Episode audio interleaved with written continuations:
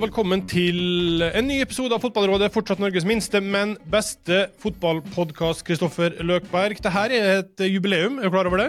Er det? Dette det er var vår, jeg ikke klar over. Nei, dette er vår 50. episode. Det er et slags sølvbryllup, skal vi kalle det det? Ja. Tror, det finnes, men, tror det finnes mennesker ute der som har hørt på alle 50? Ja.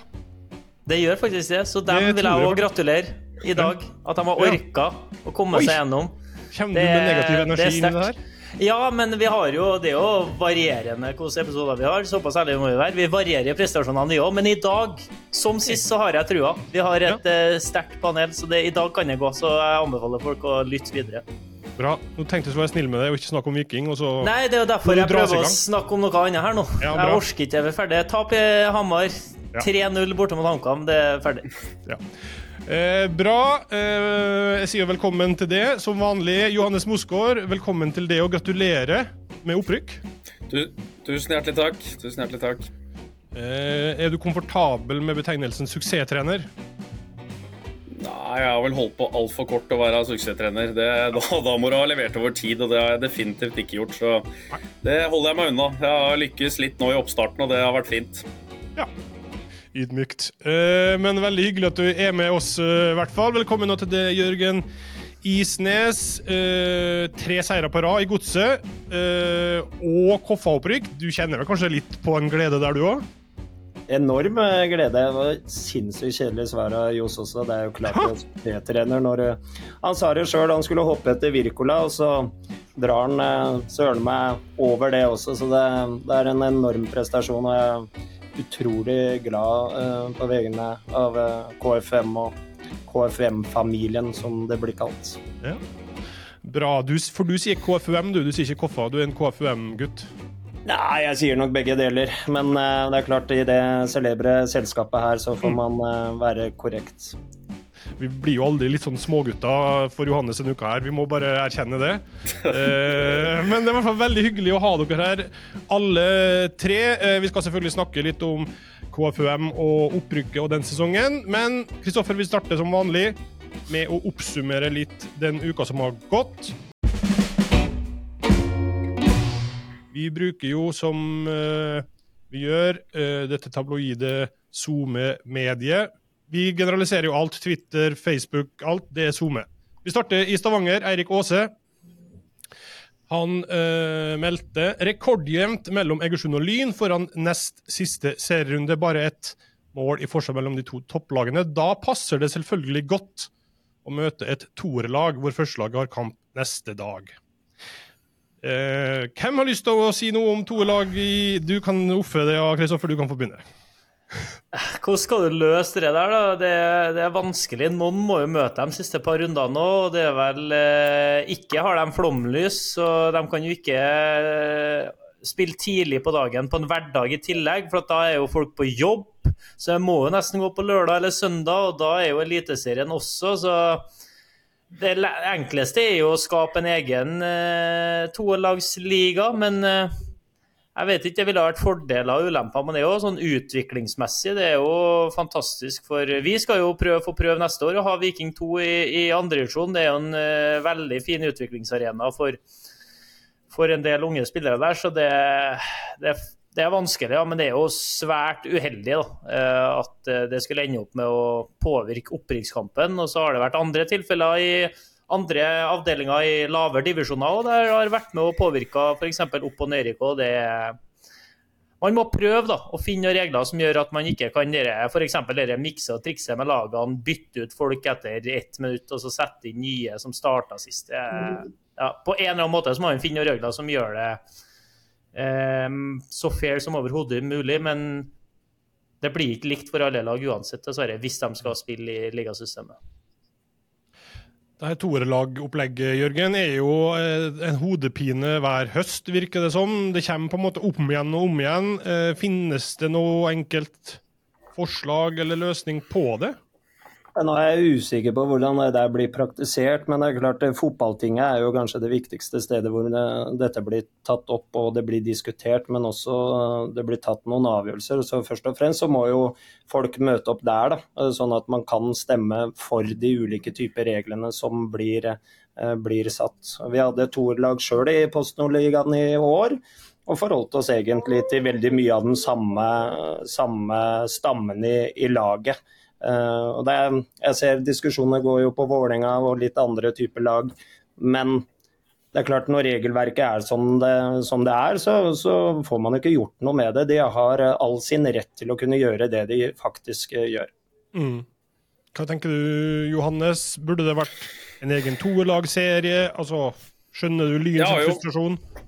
Ja da, jeg forstår dette. Jeg har jo vært uh, rekruttrener i, i, mange år og stått i den uh, VIF 2-saken. Uh, og uh, For meg så er det en viktig utviklingsarena. Det har det alltid vært for spillerne. Men samtidig, så, så når jeg starta opp, så var det jo sånn at Vålerenga avslutta for, ja, for sju-åtte år siden. Så hadde man jo ti A-lagsspillere i de siste tre kampene for å redde plassen. Den rydda man unna med de her tre over 22 på proffkontrakt som kan spille. Dette har vært et riktig steg for andrelagsproblematikken, i hvert fall i andre divisjon. Og så mener jeg også også at etter hvert man kan se på eh, antall kamper du har vært inne og starta. Det er de spillerne som kan være med å avslutte sesongen også. Det også kan jo være fine grep eh, å stå i det her. Men ellers så, så mener jeg at eh, noen må jo komme med et bedre forslag enn det vi har. For det klarer foreløpig ingen, da. Mm. Det var vel sånn at regelverket hadde, altså i tredjedivisjon i hvert fall, så, så, kunne man ikke bruke spillere som hadde så og så få kamper. Da. Eh, det var vel bare for noen år siden, tror jeg. Så har de endra på det igjen. Så hvorfor har jeg ikke noe, noe svar på. Det må noen andre svare på. Mm. Men eh, det å utvikle den eh, regelboka da, i stedet for å lage en egen andrelagsserie, er vel veien man bør gå, da, høres det ut som? På dere tre? Ja, ja, eller i hvert fall for min del så, så vil jeg si det. Jeg, jeg ser altså, den rekruttfotballen som en viktig del av norsk fotball. Jeg tror vi er unike der ved å ha det sånn også. Eh, for du får kamper av betydning. Eh, så da er det mer, mer å få godt, en god rigg rundt det. Det er i hvert fall min personlige mening. For jeg er enig mm. at sånn som sesongen avsluttes for VIF2 og, og Lyn og Egersund, altså at dette kjennes ubehagelig, det, det har jeg full forståelse for. For at, eh, jeg vet av ganske mange A-lagsspillere som hadde slitt med motivasjon, for å si det sånn, hvis du skulle ha reist og møtt uh, Godset 2 eller Tromsø 2, og den kampen har hatt null betydning. Uh, du kjenner på et ansvar overfor dem du spiller sammen med når du går ned der og spiller for Viking 2. Uh, de ungguttene som er der, de, det er laget deres. De blør like mye for å få til noe med det laget som vi gjør på vårt lag. Da kjenner på et enormt ansvar for å, å prestere og bidra. Men hvis det har vært en sånn Huckert-liga der f.eks. du omtrent ikke har rykka opp eller ned, og du hadde møtt likesinnede som har vært like skuffa over å være på benken dagen før, der du hadde omtrent jogga igjennom, det hadde, det hadde vært fryktelig, tror jeg, for de største talentene som har veldig godt av en, eh, en andrelagskamp. Ok, Bra. Vi holder oss i Stavanger. Dette her går på Viking, men ikke på tabellsituasjonen. Stian Rosseland skriver Vikings trenerduo legger ut tanker om offensiv-defensiv organisering på TV 2.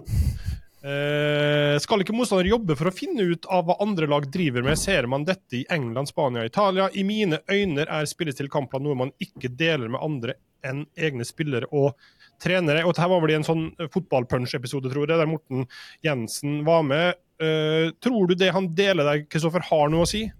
Eller er det bare åpenbart? Det hvis, hvis, det har noe å si, så er jeg fryktelig skuffa over analyseapparatene til de andre lagene. i så fall, For det var vel ikke noe revolusjonerende, det som kom fram der. Du, forhåpentligvis, da, for oss.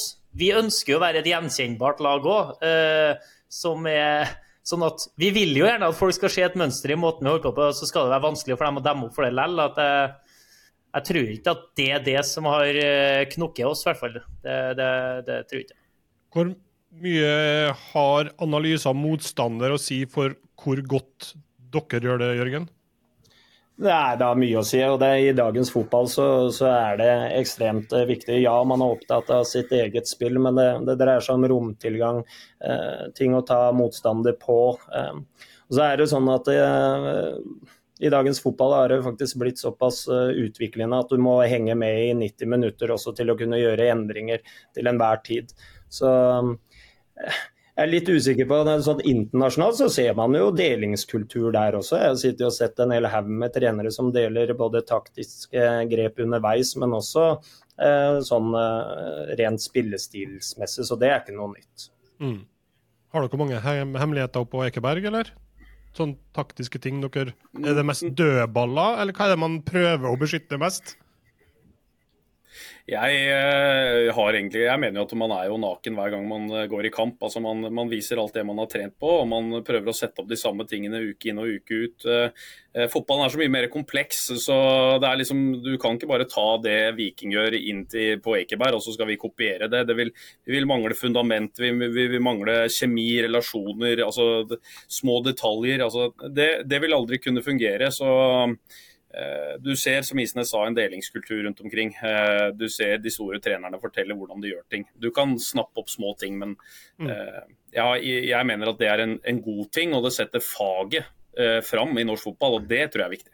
Mm. Ja, du hadde jo, Jeg liker å se Monday Night Football på Sky, og du hadde jo Gary O'Neill der som til og med viste fram klipp fra trening i, i Wolverhampton, som igjen gjenspeila seg i det de gjorde i kamp. og det er jo bare fantastisk for at folk som ser på det vanlig, ønsker jo jeg òg personlig at skal forstå mer av en del grunnleggende prinsipp, så at det blir den debatten rundt lag f.eks.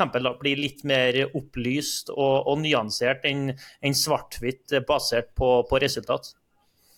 Nå er, ikke vikingen, nå er ikke Viking det eneste laget som har vært i fotballpunch heller. Jeg vet om flere lag som har vært der, så det er jo ikke noe det er jo en klassiker at den dukker opp når, når man først begynner å tape litt eh, fotballkamp. Ja. Og så tar vel verken O'Neill eller Morten Jensen med seg det aller hemmeligste til fotballunsj uansett, vil jeg tro. Hvor mye hemmelig kan du ha?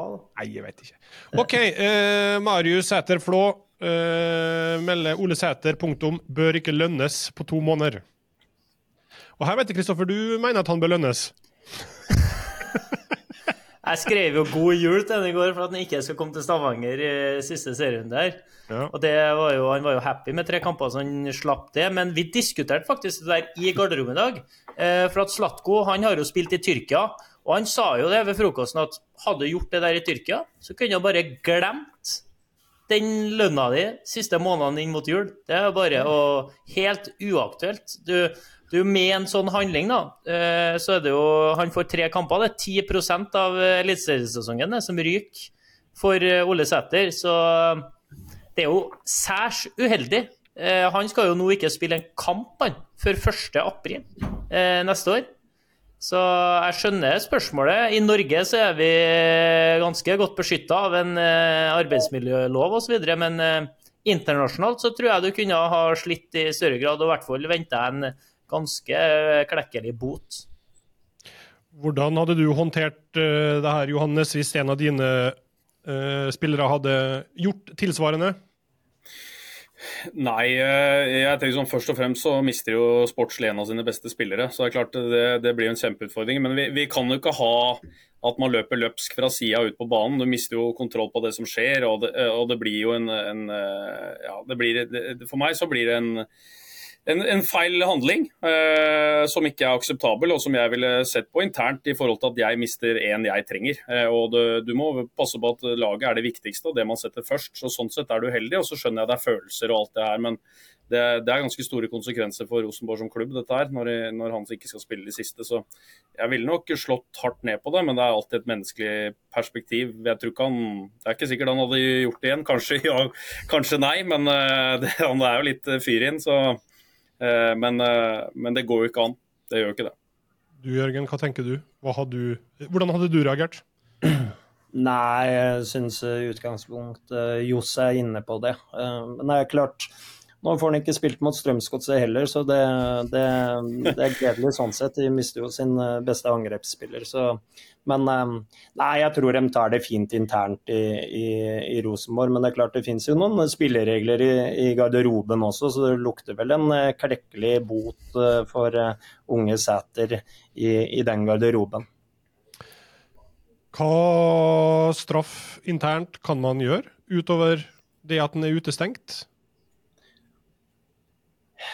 Ja, det, nå er det vel noen regler tipper jeg, i Rosenborg også, som, eh, hvor det står litt i kontrakter og sånn hvordan man skal te seg osv. Noen verdier som ligger i, i, i bånn der. Så eh, altfor mye om det veit jeg ikke. Men det er klart eh, Jeg ville jo kalt spilleren inn på teppet, jeg, og, og, og prata med spilleren. Men det er klart, eh, man har sikkert ulike typer regler fra, fra klubb til klubb. og så håndterer man deretter. Lønnstrekk, det hadde det ikke blitt i godset. Eh, det hadde kommet godt med i en ellers vanskelig økonomisk tid da, eh, på en av de eh, beste spillere. Men nei, jeg tror, jeg tror, ikke regelverket tilsier at du kan gjøre noe med det. Men det, det må rett og slett andre svare på. Eh, OK, ta med òg bare eh, Emil Almås, som eh, i samme tematikken hyller egentlig Han er jo Rosenborg-supporter, hyller Mathias Løvik. Eh, faktum er at sånne som han er en essensiell faktor for at Rosenborg-Molde skal være et morsomt hatoppgjør også i fremtiden. Uh, og så er det helt sikkert mange ulike meninger om det òg, men uh, jeg tar det nå bare med. vi avslutter med Joakim Wester, tror jeg, Andersen. og det her kan, er jo en større debatt, selvfølgelig, men vi tar bare det her. Fotballbyen Oslo. Lyn må spille på Nordre Åsen fordi Bymiljøetaten har stengt Bislett. De nekta å sette på undervarme. Skeid skulle i utgangspunktet til Grorud, men de ender vel opp på Hønefoss for å spille sin siste kamp. Og byens eneste eliteserielag i 2024, de aner ikke hvor de skal spille. Hashtag, eller så tagger han Oslo kommune, da. Eh, og det vet dere vel kanskje ikke ennå, Johannes, hvordan det blir med dere eh, helt neste år, da. Men eh, det er jo et litt sånn dystert bilde han maler opp her, da, selv om han velger ei side av saken. Ja, det er, jo, det er, jo, For toppidretten så er det jo et katastrofalt bilde. og Dette er jo ikke første året. Dette er jo eh, Grorud avgjorde sine kamper på Konsto Arena. og det, Dette har vi hoppa rundt og gjort flere ganger. For oss er det jo vane. så det Andre ville sikkert sett det på som en dårlig greie å spille på bortebane når du skal avgjøre opprykket. Men eh, for oss så er det sånn er det bare. Men eh, ting tar tid der inne i Oslo kommune. Det er mange interessenter, og ting er fryktelig vanskelig rent sånn politisk. Eh, men jeg syns eh, at du kommer til Norges største by og du finner knapt et sted hvor du kan ha toppfotball på kvelden. Det, det er jo bortimot hårreisende. Hvor ødeleggende er det for konkurransemulighetene til disse klubbene her, tror du, Jørgen? Eh, vanskelig å svare på, egentlig. Eh, det er klart, Jo lenger ned i systemet du kommer, så har kanskje ikke den fordelen av det å ha publikum i ryggen. Og, så videre, og antall tilskuere og sånn så stor, stor, verdi, selv om man trener og, og sånn på den samme banen, men må spille sine hjemmekamper på et annet sted. Men eh, noe verdi har det, og i tilfelle med Lyn så er det jo litt tragisk, rett og slett. Fordi de, de trekker jo faktisk en, en del tilskuere. Uh, I Skeids tilfelle så har det jo vært sånn hvert eneste år. så det har jo ligget noen muligheter der både for KFM sin del og, og, og Skeid sin del å få bedre lys gjennom kommunen. Men det har ikke vært tilfellet, og heller ikke noen prioritet. Og det syns jeg er ekstremt skuffende for uh, Oslo-fotballen og Oslo kommune, selvfølgelig. Så må vi også nevne Kristoffer, at Eik Egersund må jo spille på Jørpeland på slutten av sesongen fordi banen deres òg blir stengt av kommunen. Og Jørpeland er jo en og en halv time unna Egersund, så det er jo ikke superlett for dem heller. I Nei, hvert fall i konkurranse med Lyn, da. Det er ikke noe, det er ikke noe fordel, nei. Og jeg tror jo det at uh, Hvis jeg skal trekke tilbake til tida mi til Ranheim, da, så uh, vant vi veldig mye på at etter at vi fikk bygd oss en tribune med ordentlige garderober tilknytta et treningssenter, altså de fasilitetene Ja, det, det kommer ikke mye folk på Ranheim eh, pga. at tribunen er fin, men du føler deg hakket mer eh, ivaretatt. Det er et mer profesjonelt eh, miljø da, du, du kliver inn i. Og du vet at det er en, en helårsplass som du, du kan være og ha alle treninger, møter Eh, ekstraøkter, alt det skal være. da. Eh, så det å ha de fasilitetene på plass vil, eh, altså det vil løfte alt et lite hakk. Og det vil kanskje tiltrekke deg han spilleren som kanskje er litt usikker på hvordan er dette her egentlig? Hvordan klarer vi å opprettholde nivået over en lang sesong? Så du ser på de forholdene her òg. Hvis du har valget mellom den klubben der og den klubben der, så teller det. Så jeg, jeg tror det er jo trist, rett og slett, at såpass gode klubber som har visst over x antall år evnen til å skape toppfotballspillere, ikke bare for seg sjøl, men for resten av landet. At de lever under sånne forhold og nesten er avspist med å, om å farte rundt omkring i Oslo by for å finne seg treningsfasiliteter halve året. Altså hvis, det her er jo en kamparena vi snakker om på slutten, men det skal jo trenes. altså Det skal jobbes over tid. Eh, og det går utover eh, spillerutviklinga. Og til klubber da, som er så dyktige, til å gjøre så mye ut av lite fra før. At de ikke kan få litt drahjelp, det syns jeg er, det er hårreisende, rett og slett. OK, det får være en oppfordring til Oslo kommune fra oss. Vi eh, Men det, det glemmer de ofte, da, at investering i toppidretten er jo også en investering i breddeidretten, som er en investering i samfunnet.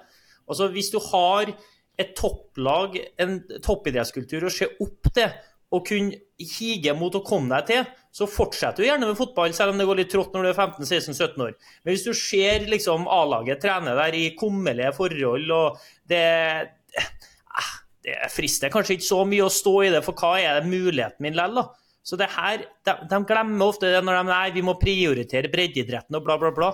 Altså, Det henger sammen. Så du må tørre å bruke pengene også til toppen, for at det har en smitteeffekt til, til resten. Bra. Fin appell. Ja. Bare send inn eller, den. trener eller politiker på sikt?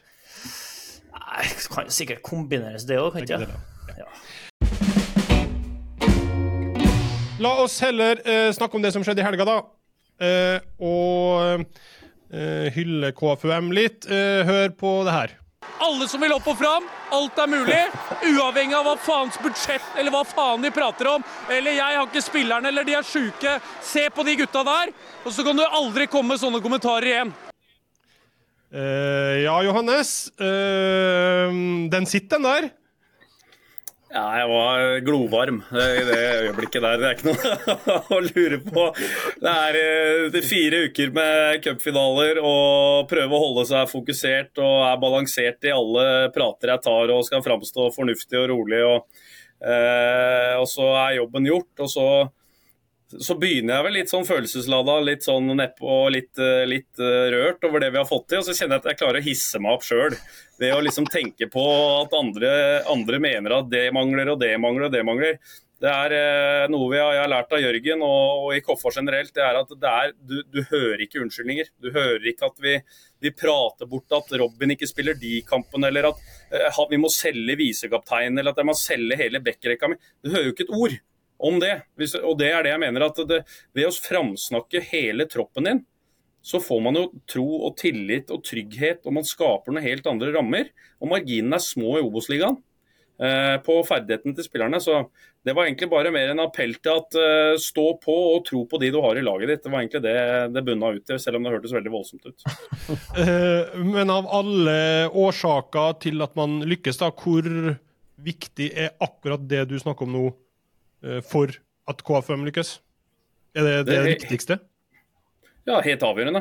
Det er eh, helt avgjørende for, for den arbeidskulturen vi har hver dag. Hvis jeg skal spillere på, på trening som skal jage de andre, som ikke føler at de, de skal være tilstrekkelige eller at de ikke er på skuddhold, hvordan skal vi drive hverandre i treningsprosessen? Hvordan skal du, hvordan skal du ha målsettinger og, og jage noe nytt? Jeg, jeg har veldig troa på at de jeg har i troppen min skal føle at de er på skuddhold så godt som mulig hele tiden. Og i hvert fall få lov å motbevise det. Eh, Men eh, det er, helt, det er helt, helt avgjørende, mener jeg, i en, i en toppidrettskultur og en, en prestasjonsgruppe. Hva er dine tanker om det her, Jørgen? Jeg skjønner at du har jo Du deler det jo, du er jo helt enig, vil jeg tro? Ja, selvfølgelig. Altså, ordet samhold blir jo enda sterkere når, når Johs drar disse linjene her. Da, fordi det å kunne se alle eh, gjennom måten du prater på, eh, det gjør eh, Johs, og jeg vet også KFUM som klubb har gjort det over lang tid. Eh, og det gjør at man, eh, når man mister noe, så er det noen andre som eh, tar opp hansken og, og benytter seg av muligheten. og i Oslo og Oslo-fotballen og Oslo og Main så, så befinner det seg ekstremt mye talent. Og, og KFM har vært ekstremt flinke til å ta til seg de som skal på en måte skinne gjennom eh, Oslo-fotballen. Så ordet samhold, familie, det å dra i samme retning. Ja, det er kanskje litt sånn pompøse ord. Man blir litt sånn Hører du 100, 100 ganger. Men eh, der oppe, eh, oppe på Ekeberg så, så lever det i beste velgående. Men er ikke det, tror du, Jørgen, uavhengig av hvilket nivå du er på, så er det her gjeldende? Om du er Altså, City har jo verdens beste spillere, men hvis spillergruppa er pulverisert, så hjelper jo ikke det. Nei, da, jeg er helt enig i det. og Samtidig så er det kanskje eneste rette vei også, og blir ekstremt tydelig eh, på det også. Eh, på et eh, sånt sted som Ekeberg og, og KFM som klubb. Da. Så de verdiene der står så sterkt. Det er mange som har verdier rundt omkring som på en måte man ønsker å leve etter, men det er kanskje litt vanskeligere i og med at det er så mye annet som skjer rundt. Og Det er klart I KFM så har man klart å treffe ekstremt godt på det, pluss litt andre ting da, som spillelogistikk, profesjonalitet, som har gjort at KFM har tatt disse stegene som man, som man har gjort, og eh, rykker opp fortjent også. Hvordan ser du laget fra utsida, Kristoffer? klubben? Nei, eh, det, endelig så har de eh, fått til opprykket. Og det er jo etter mange års veldig god jobbing, så syns jeg det er fortjent. Eh, ja, det er en liten finger til dem som rykker ned med de største ressursene, eller de klubbene som har kava både i, i, i Obos og de større klubbene som til og med har endt opp med å være ned i andredivisjon. For det er da en klubb som har fått veldig mye ut av mye mindre enn eh, det de har å rutte med. Og så det, det, er jo veldig mye likt av det vi, vi holdt på med i Ranheim og måten vi kom opp på. Vi baserte oss på de eh, trønderske spillerne som ikke fikk sjansen i Rosenborg. Eh, det har jo også vært veldig mange år der det var et nåløye for å, å få spille i Rosenborg som var ekstremt trangt. Eh, for trangt. Eh, for at de eh, neglisjerte jo x antall som kunne ha vært, men at det var egentlig ikke godt nok for å spille i Europa osv. Og, så, og, og da var jo vi heldige at vi fikk jo tak i alle dem. og da Det er da en spillergruppe som også spiller fotball av de rette grunnene nå, på en måte. Altså, det er en sånn gnist og en glød i hvert enkelt individ som ikke kan kjøpes for penger som helst ikke skal kjøpes. Eh, altså, du får ikke til det. Eh, og da er det liksom en det er en gjeng da, som eh, har det ekstremt artig sammen, der små gleder blir store gleder i hverdagen. Der du ikke ser på eh, hva du ikke har, eh, hva du ikke kan få. Der du f.eks. i Ranheim blir sjeleglad på torsdager, for da lager Jarlfrid lunsj til oss en gang i uka. Mens jeg kommer opp på her, da, på stadion til oss, så møter jeg tre-fire menn da, etter lunsj som sutrer og bærer seg for at det var ikke god nok lunsj i dag. Da blir jeg Altså, da har jeg lyst til å si jeg skulle ønske du kunne ha vært med meg og holdt på i Ranheim og smurt brødskiver med, med syltetøy etter trening og gikk på rundgang hvem skulle kjøpe inn. Og så Med å ha det der, så skaper du et eller annet som er unikt. Og når du i tillegg, da, sånn som i Oslo, så finner du gode fotballspillere. Eh, vi hadde en dyktig fotballtrener. Her er et helt eh, omtrent et fagmiljø etter hvert i Koffa som, som tenker likt og drar i samme retning. Da jeg er veldig glad for at det lykkes til slutt, da, for det, det fortjener de virkelig. og Flere klubber kan lære av det, istedenfor at det ofte jo blir jo sånn at vi må bare skaffe noe penger nå, sånn at vi kan få denne greia til å gå rundt, så at vi kan få tak i han og han. Da starter du i feil ende, tror jeg. Det kan bli kortsiktig glede, men på sikt så blir det vanskelig. Dere er jo innom det alle sammen. Det er jo ikke uh, Det at uh, KFM rykker opp er jo uh, en sensasjon i det store bildet. Og så har jo laget Johannes i flere år gjort det bra i Eh, Obos Det er jo ikke sånn at dette har skjedd helt over natta, eh, men da har Jørgen vært der, og så har han dratt før årets sesong. Hva tenkte du, og hva var din inngang til 2023-sesongen? Eh, Eh, nei, det var jo egentlig at jeg sto overfor en stor utfordring. Det var vel egentlig det jeg tenkte. Men jeg, jeg følte meg veldig klar for å, å, prøve oppgaven med å lede og ta de store, store linjene. Og lede og, og, bestemme og prøve å se om man er i stand til å, å ta en prestasjonsgruppe videre. Eh, og Så begynte det tøft med at vi solgte mye gode spillere. Eh, og så fikk vi også en ordentlig vekker i seriestarten hvor det gikk eh, seks serierunder, sju, før vi klarte å vinne en fotballkamp. og jeg gikk en del runder med meg sjøl på den tida. Her var det bare å komme seg til sommeren, for her må, du, her, må du, overleve. og det blir sikkert Du får finne på noe annet. og Du er en god assistent, ikke sant. Altså, var, men samtidig så, eh, så, så, vekka det liksom en sånn glød i meg. fordi spillerne de responderte fortsatt veldig til meg i hverdagen. Eh, og det å klare å, å stå som en gruppe i motgang og komme ut av det, det er ingenting som er mer styrkende. så vi klarte liksom å velge to-tre ting som vi holdt i. Vi gjorde litt om på spillestilen, fikk litt bedre balanse i laget. Og så slapp vi da de offensive kreftene løs. Og da, etter det så har vi, vi har vel, ja, Fra seriekamp 7 så har vi vant vi 17 kamper, og vi har tapt seks totalt. Så det er klart, dette er blitt ganske sterkt til slutt. Hva diskusjoner hadde dere da rundt sånn, runde fem-seks? Hva var det dere diskuterte? Hva snakka dere om? Nei, vi har, jo et, har et lite team. Eh, det er jo Daniel og meg og, og Luke som vel egentlig har min assistent, da, Luke Thoresen, som har eh, fotballansvaret. Det, eh, jeg følte på en, en, en, ro i form av at vi er et lite team, så det er få som driver og drar i alle mulige retninger. Det var lett å bli enige om hva vi skulle gjøre, hvilke knapper vi skulle prøve å trykke på. Og så fikk jeg også telefoner fra liksom, eh, styreleder eh, Espen Museus, som har eh, mye ballerfaring og, og sier at Johs, bare slapp av. Fordi vi har trua på deg og alle verdiene du står for og hvordan du er som trener. Vi kjenner deg. Dette, dette gjør vi sammen. Og det, alle, de, liksom, kom, alle, de, komponentene gjør jo at man kan stå trygt i rollen sin. og også tørre å tro på og levere det man, det man, det man, mener man kan. Da. Så jeg, jeg kjente på den, en helhet i klubben som var med å, å styrke meg i en, en, tøff periode. Du kjenner jo Koffa godt, Jørgen. Hvordan vil du beskrive måten de spiller fotball på nå, kontra tidligere? Er det store endringer, er det små tweaks? Hvordan vil du beskrive det? Nei, det er, det er detaljer, eh, og kanskje mest i det offensive spillet. Så, og det visste jeg også når, når jeg jobba med, med Johs, så er han ekstremt god på, på, detaljer i det offensive spillet. Så eh, gjennom sesongen nå så ser du klare endringer, men også eh, litt eh, lå, låste ting offensivt som har gjort dem eh, ekstremt gode i etablert angrep, frispilling som har forplanta seg også til et uh, ganske godt defensivt fotballag. Har sluppet inn ekstremt lite, lite mål. Så detaljene Johs jobber med i hverdagen på enkeltspillere, men også eh, i form av relasjon, det er det høyt eh, nivå på. Og det tror jeg han kanskje ja, Bagasjen fra Vålerenga, eh, med 10-12 sesonger bak ekstremt gode trenere, har vært verdifullt. Og det, jeg lærte veldig mye når Johs jobba med meg, og det har jeg tatt med meg videre også.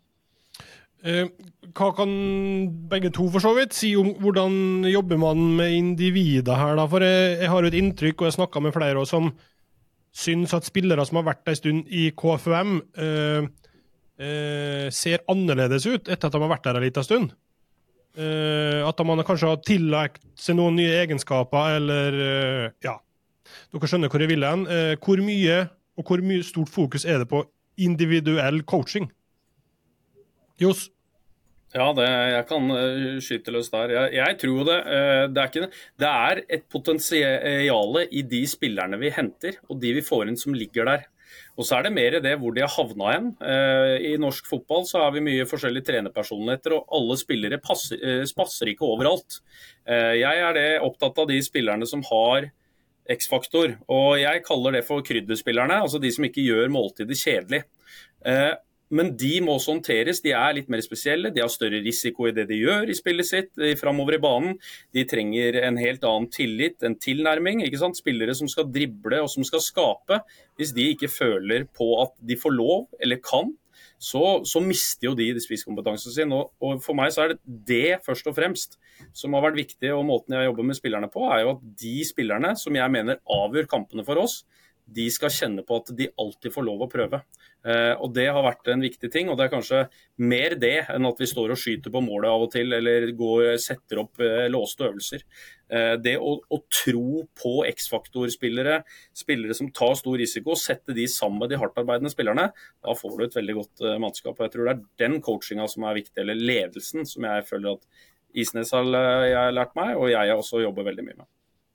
Hvor mye jobber du individuelt med spillere, Jørgen?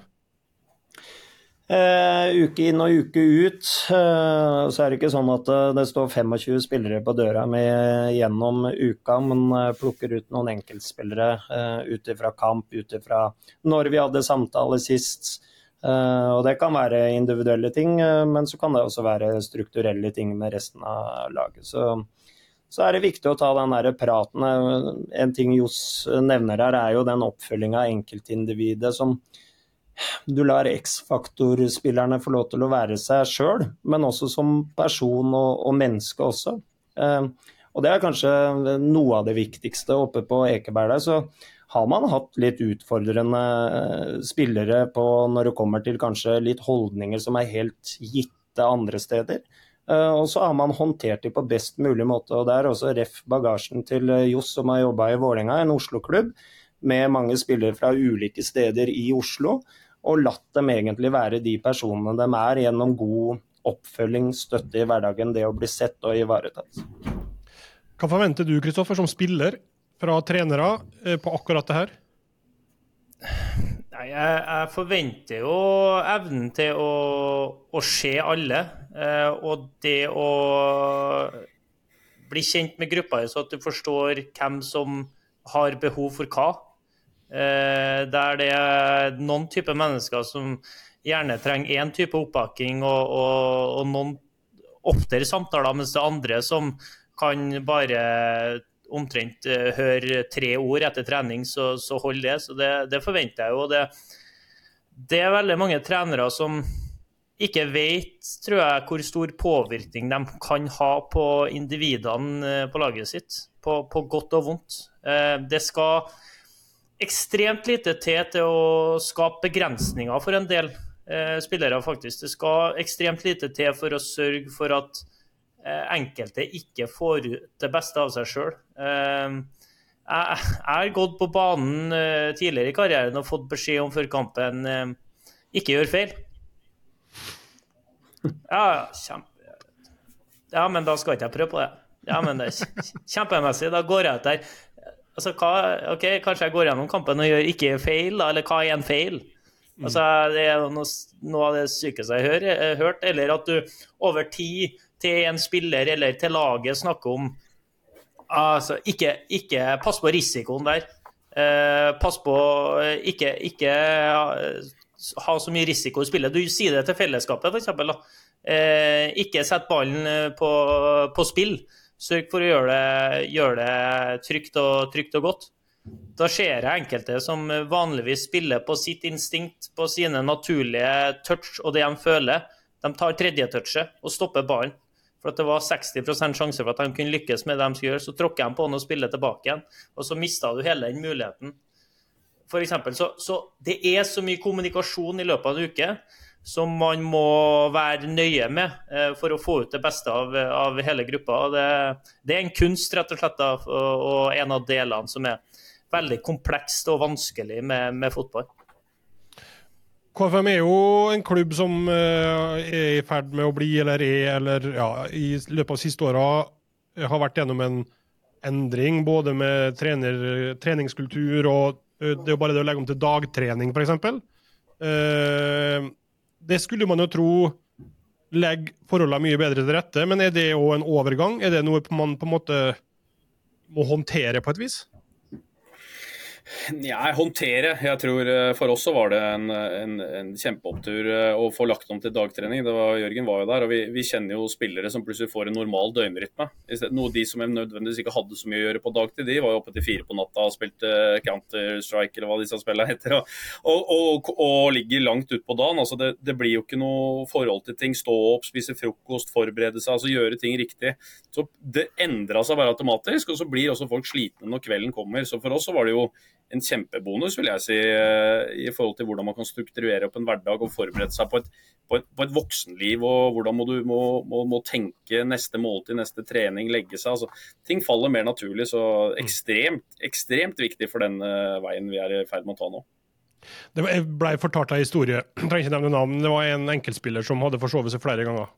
Uh, ja, til trening. Vet, jeg, vet, jeg vet hvem du sikter til, ja. Men, men Eh, det som, er, det som, er, utrolig fint, er at eh, mange av de guttene de gir så mye av seg sjøl. Det er ikke alltid de er gode på, men de er gode i hjertet. Og For mm. meg så er det regler for alle, men det er hvordan du får dem inn på rett spor igjen. Og, og, og til den så sa jeg Det var jo godeste Akinemi, dette her. Eh, den eldste jeg har i troppen. Og han er en nydelig, nydelig mann. Jeg er utrolig glad i han. Men så sier jeg liksom at hva, hva skal vi gjøre nå? Nå er det to ganger her. Hva gjør vi? Eh, for det, eh, det eneste vi kan løse det her med nå, er at du går i Jerv-matchen, og så er du banens beste spiller, og så sjekker det her igjen. Så kan vi legge det bak oss. Og Da banka jo han inn og satte to kasser, og så har han vært Obos-ligaens beste stopper i tre måter nå. eh, Eller to måneder. Og det er klart, han, man trenger bare en forskjellig håndtering. Hvis jeg bare hadde satt han rett på is, hva, hva er det man nødvendigvis lærer? Han vet ikke om, altså Disse tingene er ekstremt viktige, og her må vi trenere være dyktige på å lese forskjellige individene, hva de trenger og hvordan de trenger det, og fortsatt føle at uh, vi har troa på dem. og Jeg tror veldig på en, på en riktig respons på de her eh, tingene. Uh, kan gi en, en trener stor lykke på banen. Kort sagt, coaching i verdensklasse. ja, det, jeg tror jeg fortsatt må øve litt til før jeg kommer dit òg, Jørgen. Jo da, men, det, men, jeg, men jeg husker jo når du kom inn i KFM også. Jeg var nok litt mer den der gamle skolen og, og ønska å være litt hard på de områdene der, men der lærte du meg noe ting. Vi hadde for så vidt en som kom for seint på trening i dag for første gang i, i år i, i Strømsgodset. Så da tenkte jeg litt faktisk på, på akkurat det. Men nei, Ja. det, det var fine justeringer som jeg har tatt med meg, med videre. Og jeg tror det dreier seg litt om den erfaringa du også har fra, fra Vålinga, med de spillerne du, du jobba med, med der. Eh, og igjen, den bagasjen du har, har hatt derfra er jo ekstremt verdifull i så måte. Jeg tror jo bare kjapt til slutt at tilliten er viktig begge veier. Så Hvis jeg viser at jeg, han kan stole på meg og jeg er villig til å ta ryggen hans, så neste gang så tar han min. Og jeg tror det, det kan være en viktig sak. La oss ta noen lytterspørsmål. Og det første handler jo heldigvis da om Koffa, da. Eh, Når vi akkurat gjorde oss ferdig med det. Eh, Jan fra Stavanger lurer på troa eh, på å overleve neste år, og hva er planen for å lykkes med det? Hvor langt har dere kommet der, Johs? Nei, jeg har vel øh, ikke Vi har vel tatt øh, små, hatt små tanker rundt det også. Jeg tror eh, Se litt på troppen vi har i dag. Gjøre kanskje noen små justeringer på den. Eh, og, men ikke noe, noe store greier. Jobbe med de samme tingene, holde den samme type samhold og mentalitet i gruppa. Øke kanskje litt på små det som går på profesjonalitet, er det små detaljer. Vi, på mat, etter trening. altså Det er ikke alt det her som er en selvfølge hos oss. og det er klart De tingene eh, tror jeg på. Og så ser jeg at eh, lag eh, som vi kan la oss inspirere av. altså Sandefjord biter fra seg stadig vekk år etter år med, med, med svakere økonomi enn andre lag. og eh, Jeg tror på, på at man kan stå i det hvis man lager en, en, eh, en god gjeng også der. Så jeg møter opp der med full tro på at man kan vinne fotballkamper. Eh, Hvor mye har det å si hvor dere ender med å spille neste år, og rent sånn ja, administrative rundt det? Nei, jeg, jeg håper ikke at vi må drive og flytte rundt og spille bortekamper hver uke. Det gjør jeg ikke. Eh, Det er ikke noen fordel. Eh, Men jeg håper på at vi kan være her oppe en periode. Nå har vi fått ja på alle ting som har med ny stadion, så det skal begynne å bygges. Og Da håper jeg at folk kan leve litt med det en liten periode, og så får vi se om vi klarer å bite oss fast. Eh, Jan lurer også på én ting til det, Jørgen. Han skriver Brann er det eneste av de fem lagene på toppen av tabellen Strømsgodset ikke har slått denne sesongen. Kan de vennligst fikse det i siste serierunde? I fix. Bra. Uh, Benjamin spør det, Johannes. Er Johannes like lei av kristendomreferansene i kampreferatene til KFUM som jeg er? Vet du jeg, jeg, uten å være, jeg har ikke lest så mange av dem, så jeg, skal, jeg kan ta en runde og kikke på det. Eh, Men eh, jeg tenker at noe Vi heter eh, Vi er Kristelig forening unge menn, så det er klart her noe må vi ha som tilhører klubben og klubbhistorie og klubbverdier. Så mer av det. Eh, det var i hvert Jeg elska den gikk på rundgang, den der chanten. Sånn, det var TV 2 som eh, la ut et eller annet om kirkekaffe, bibelbønn og kirkekaffe. Ja, ja. Vi holdt på å daue. Det er magisk. Den er sterk, så den håper jeg runger utover i første, første hjemmekamp eh, neste sesong for Koffa. Den kommer. Det er bra. Eh, Martin og lurer på hvor lenge varte festen? N- eh, Til meg fortsatt, ja. Eh, Nei, altså, er det det- er Er du fortsatt på fest? Nei, definitivt ikke. Men eh, vi, vi klinka jo på noen timer utover der og, dansa og, koste oss. Det, det, må man få lov til. Så var det ordentlig lystig lag. Og så var jo det ikke med, mer enn det, egentlig. Fordi vi skal gjøre en solid jobb mot start neste helg, så kjedelig som det svaret er. Mm. Eh, og så skal vi ta opp en sånn runde to, tror jeg, når vi er ferdig med den igjen. Eh, bra. Et siste her fra en som kaller seg for Moon Jai. Han har sendt inn et uh, spørsmål. Han lurer på hva som er best til å danse. Eh, I troppen-laget så er det vel eh, Jeg ser at Mossa Njay er bra. Og så er jeg nummer to, og så kommer resten. OK. Du Jørgen har helt sikkert sett Johannes danse. Kan du gi en beskrivelse? Jeg jobba som lærer på Høyenhall skole i ti år, og alle damene ville danse med meg. Så det, er klart at nivået på dansinga, dansinga mi var veldig god. Men var, jeg skal over til deg, Johs, fordi du var bedre. Jeg har sett deg. Så det er høy klasse. Takk skal du ha. Eh, bra. Du Kristoffer? Hvordan er du på dansegulvet? Ja. Ah, mye vilje, lite evne. det er en fryktelig kombinasjon. Ja, det, men det, det, er sånn det er på fleste mannfolk etter, eh, etter 0030, i hvert fall. Mm. Eh, nei, men det er fint. Eh, fin overgang til Eller det får vi se, da. Eh, til vår siste faste spalte, Kristoffer. Løkens løksuppe.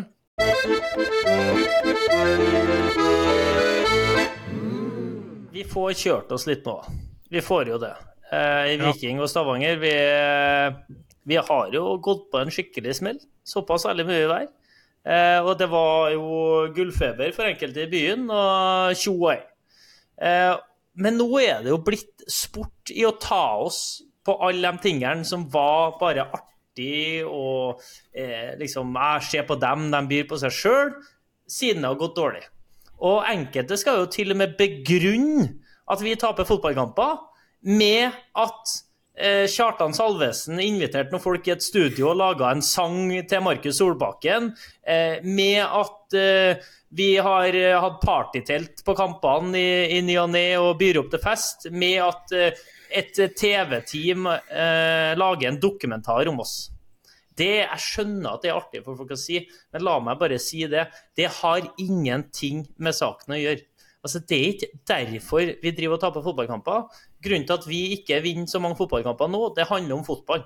Altså, Det er faglige årsaker som, som er grunnen til det. Ikke at Det er jo ingen i garderoben til oss som har holdt på å ljoma til den ene sangen at Rune Bjerga laga gullsang og la ut på Spotify ti runder for slutt. Det har ingenting med oss å gjøre, det. Men jeg elsker jo at det er sånn. Det skal være sånn. Og jeg har sagt dem nedpå her òg. Vi må fortsette å by litt på, selv om vi driter oss ut. Sånn mener jeg det skal være. Det kan ikke være sånn. Og det, ironien her er at de samme menneskene som godter seg nå og i fullt alvor skriver ja, ikke rart at de taper, vet du. De lager sånn sang, eh, signeringsvideo og bla, bla, bla. Det er de samme menneskene som klager på sin egen klubb om at det er så jævlig grått og kjedelig hele tida at de vet hvem som spiller på laget engang. Jeg blir så mør av det der. Og jeg må fortelle til alle som lytter på det her, og spre det ordet videre. Det er ikke en gulldokumentar. De kom ikke i august. De kom før første serierunde. De var her hver dag når vi vant ti kamper på rad òg. Det har ingenting med saken å gjøre. Ferdig. Og jeg håper vi kan fortsette å by litt på. Sånn skal det bare være. Det skal være litt sirkus, og så eh, skal jeg love at de inne i garderoben de må eh, holde det fokuset de skal. Og det her er fakta. Vi oppsummerer etter ti kamper, så har vi et oppsummeringsmøte, analyserer bla, bla, bla. Etter ti nye så gjør vi det samme. Og etter de ti nye, da, så etter 20 kamper, så satt vi her og så så vi på tall og analyser og alt sånn. Og så ser vi at expected goals, da, for dem som liker det, men vi bruker det. Så er expected goals forward og against Det var nesten nøyaktig det samme. De ti første og de ti neste. Og så hadde vi da overprestert på antall mål vi hadde skåra. Og så hadde vi overprestert med å slippe inn færre enn det som var forventa. Mens det var motsatt de første ti kampene. Og da sier jo alle i gruppa se, se her, gutta. Hvis vi ikke blir bedre nå, så vil jo dette mest sannsynlig normalisere seg, og folk vil ta oss igjen. Og det er det som har skjedd. Vi har ikke blitt bedre. Vi har dessverre ikke klart å utvikle oss. Selv, og det er det vi har hatt fokus på, ikke blitt dessverre ikke skjedd. Men takket være Isnes, da, så har vi fått en livbøye kasta etter oss. Ja, han kasta en livbøye fra Tromsø og ned til Stavanger. Så da, på mandagen, så kunne vi synge Godset fra Drammen, og han har sagt de skal slå Brann i siste runde òg. Det kan fortsatt gå. Tenk det. Fra 11.-plass i fjor og kanskje medalje i år. Så det er mulig. Da er vi tilbake til Koffa-referansene. da, Frelser og alt. Bare at han sitter i Drammen. Ja, det er litt synd at vi er avhengig av en frelser der. Vi Ja, hadde jo ja, alt i sånn egne sånn hender, men sånn har det blitt. Eh, tror du, helt kort, Jørgen, hvor, eller hvor mye tror du sånne utenom eh, Altså alt på utsida påvirker? Tror du det har noe å si på ei spillergruppe? Eh, tror jo det kan gjøre det, men det, det er klart jeg kan ikke gå inn i, i, i garderoben i, i Viking og eller vite hva de egentlig prater om eh, der. Altså, så jeg stoler jo på Løken, det, det er ikke noe å lure på. Men jeg er veldig fan av det sjøl, at det er om det, om det ikke er sirkus, men at folk tør å by på seg sjøl og være litt uh, utafor det som kalles A4, det tror jeg norsk fotball eh, trenger. Eh, Kommer Koffa til å bli en såkalt fargeklatt neste år, tror du, Johannes? Har dere profilene til det? Kommer dere til å på en måte dyrke dem frem? Eller hva, hva slags tanker har du rundt akkurat det her? Ja, jeg tror, jeg, jeg tror vi har profiler. Hvis jeg blir for uh, emosjonell, så virker det som om det kan bli farlig, det også. Vi, vi, vi, vi kjører bare på uh, og kaster oss ut i det som blir et, uh, et vanvittig år. og jeg tror ingen, ingen her som er redd for å by på seg sjøl, verken jeg eller, eller spillerne skal, skal være tilbakeholdne. Vi har lyst til å være med på, på dansen. Folk er jo veldig redd for å tape, vet du. Altså, jeg hører jo diskusjoner noen ganger at «Nei, tørs vi å planlegge det på, i forbindelse med etter kampen med lørdag? Tenk om vi taper? Eller jeg hører markedsavdelinga at ja, de tenker på å gjøre det og det, lage et show ut av den kampen. Og så er det alltid noen som sier ja, men hva hvis vi taper? Det har jo ikke noe med Det er jo ikke derfor du vinner eller taper. Men, så, men det er ofte det. Folk er redd for å gå på trynet, og derfor så kjører man heller safe og gjør det grått og kjedelig. Og så vet jeg det finnes jo en mellomting. Finnes, vi er jo prega av at den byen her er jo helt spinnvill i ene øyeblikket, og det andre for så vidt bare i, med sinne og frustrasjon. Så vi må kanskje lære oss hvordan det å fungere. Er Litt deilig, det òg. Eh, OK, bra. Eh, dere møter jo Sarpsborg da, til helga, Kristoffer. Ja. Noen umiddelbare tanker som ikke er politisk korrekt og flat og kjedelig og én kamp av gangen og Endelig en bakre firer, da. Ja. Vi, jeg vet ikke, jeg ser på statistikken vår mot eh, bakre femmere, så vil jeg jo bare ha kasta det på banen uansett hvordan du mønstrer hvis du har tenkt å plage oss. Men, eh, så det kan jo bli artig. Og Sarpsborg, det blir jo mål, så over, over 3,5 da, kanskje? Over 4,5? Eh, dere har HamKam, eh, Jørgen. Eh, dere kan jo være med å påvirke både topp og bunn dere i slutten her. Ja, det er fint det. Og så ønsker vi å avslutte selvfølgelig høyest mulig på, på tabellen. Og nå har vi åttendeplassen, så det, det er jo en fantastisk sesong hvis vi, hvis vi kan havne der. Men eh, det er klart vi har noe å revansjere. Den, eh, det tapet oppe på Briskeby i, i våres, den var fryktelig, og det er den dårligste kampen vi, eh, vi har spilt i år. Så HamKam eh, skal slås. Og Du var inne på det, Johs. Dere skal møte Start eh, borte. Eh, hva tenker du? Hva slags Koffa-lag så får vi se? Nei, jeg tenker vel eh, akkurat det samme. Jeg tenker at vi Jeg har ikke, jeg har ikke noen annen måte å være på jeg enn at jeg ønsker å vinne fotballkamper. og Når vi går ned der nå, så må de løpe, ellers så er jeg like sint som jeg var for tre uker siden. Så det, vi, vi kjører, altså. Bra. Og så er det jo, for dem som er opptatt av Oslo-fotball, et viktig oppgjør på Intility på kvelden der òg. Uh, Vålerenga mot Stabæk. Uh, jeg vet ikke om du får sett den, Johs, eller ser du den på Jo da, jeg, bilen? ja, jeg tar den i bussen på vei fra Kristiansand, ja. Det, Ja. det blir en, eh, en spennende affære. Det blir en spennende affære. Eh, bra. eh, Jeg håper dere å lokke over et par av de guttene fra Enga til hvis det blir et, eh, et skifte her, eller et par av de lokale Oslo-guttene som fortsatt vil spille Eliteserien neste år, hvis det sikkert bytter plass? Ja, jeg skal se om jeg får gitt sendt noe sånn månedskort på T-banen eller bussen, bussen ned, så får lurt dem over. Det, det blir stas. Det blir det. Eh, han har jo allerede begynt med Jonis eller Abdelawi, så eh, han var tidlig ute der å få inn en spion og trekke inn noen tråder. Ja, men det, det skal være litt sånn kniving mellom to store klubber i, i byen. Det er helt korrekt. Bra. Eh, veldig hyggelig at eh, du var med, Johannes, og du og Jørgen. Eh, Kristoffer, vi tar en pause, gjør vi ikke det nå? Det er dere hersens landslaget, da. Ja, det er deilig òg. Ja, det er på en måte, ja. Men ja. ja. Bra, det. Eh, takk for at dere var med. Takk for at dere har lytta på. Og så er vi tilbake igjen da om to uker.